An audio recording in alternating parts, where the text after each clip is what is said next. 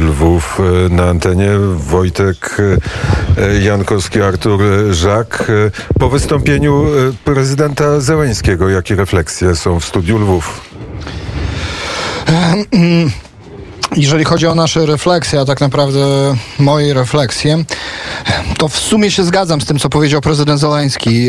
Ukraińcy na wielu frontach pokazali, że są w stanie stawić czoła przepraszam, tracę głos, stawić czoła rosyjskiej armii. Rosyjska armia pewnie się spodziewała, że dużo łatwiej im pójdzie z armią, e, że czekają przysłowiowo na nich e, z kwiatami i chlebem. Tutaj, jeżeli chodzi o takie zaskoczenia, na przykład, że pluton rosyjskiego, ros, rosyjskiego rozpoznania poddał się do niewoli pod Czernichowem yy, i zgadzam się w 100% z prezydentem e, Zeleńskim, że jeżeli świat cywilizowany e, Zachód nie, nie, nie podejmie jakichkolwiek kroków, to znaczy może nie jakichkolwiek stanowczych kroków w interwencji przeciwko agresorowi w postaci Federacji Rosyjskiej, to Ukraina całkowicie przepadnie.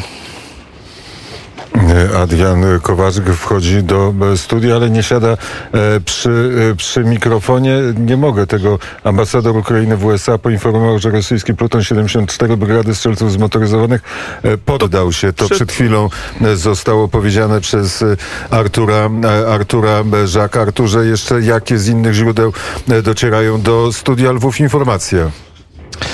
Jeżeli chodzi o miasto, no to w mieście nadal jest e, spokojnie, w sensie militarnym e, spokojnie. Władze, władze podejmują kolejne kroki. Tutaj, jeżeli chodzi o Mara Sadowego, to on e, zapowiedział, że minimum trzy, trzy razy dziennie będzie sam osobiście informował o sytuacji, czy przez e, media społecznościowe, czy też przez telewizję. No do tego momentu oczywiście, kiedy, kiedy te środki przekazu działają. O siódmej, o trzynastej w południe i o siedemnastej. To są stałe godziny oczywiście, że jeżeli coś dzieje się wyjątkowego, to tych e, informacji powinno być więcej. E, cały czas oczekujemy na, na, na, na uchodźców. Są przygotowywane dla nich miejsca. Mm, tak jak mówiliśmy przy poprzednich połączeniach, e, przygotowane są, przygotowywane są dla nich takie najbardziej potrzebne rzeczy. Z tego, co się orientuje, sporo ludzi z takimi rzeczami przechodzi do punktów odbioru, które zostały w każdym, w każdej dzielnicy ustanowione i zorganizowane takie centra kryzysowe. Jeżeli chodzi o Lwów, no to mogę po raz kolejny powtórzyć tylko też informację, że kolejka na granicy w Mościskach, a tak naprawdę w Szygyni, e, bo to jest taka mniejsza miejscowość, gdzie konkretnie ona jest przy samej, przy samej granicy, tylko i wyłącznie rośnie. Jak poprzednio się łączyliśmy, to sięgała Mościsk, a teraz nawet niektóre samochody sięgają poza Mościska i stoi kolejka w trzy rzędy. E, też zapowiedziano, że ta kontrola e, graniczna, czyli i służby celnej i Straży Granicznej jest w formie uproszczonej, żeby, żeby ułatwić jak największą ilość tych e, uciekinierów wojennych, uchodźców wojennych e, do Polski przepuścić.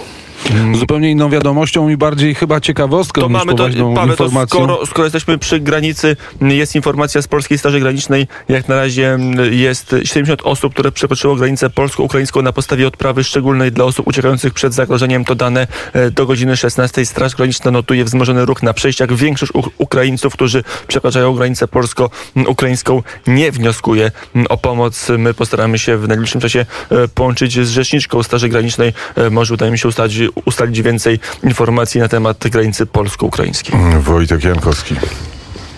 I jeszcze jedna informacja, ale bardziej chyba ciekawostka niż y, poważna wiadomość, ale coś, co wzbudziło zachwyt wśród Ukraińców, kiedy politycy z Zachodu nie przyjeżdżają.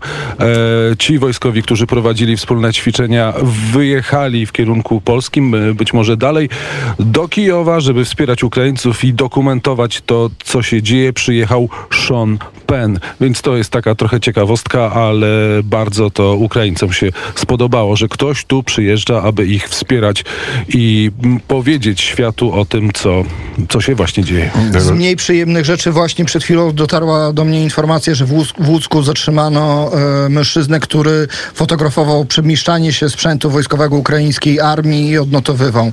Więc będą wyjaśniać w jakim celu ta osoba zbierała dane na temat e, armii ukraińskiej. Studio, studio Lwów. Mam nadzieję, że wytrwacie kolejną godzinę e, na e, stanowisku.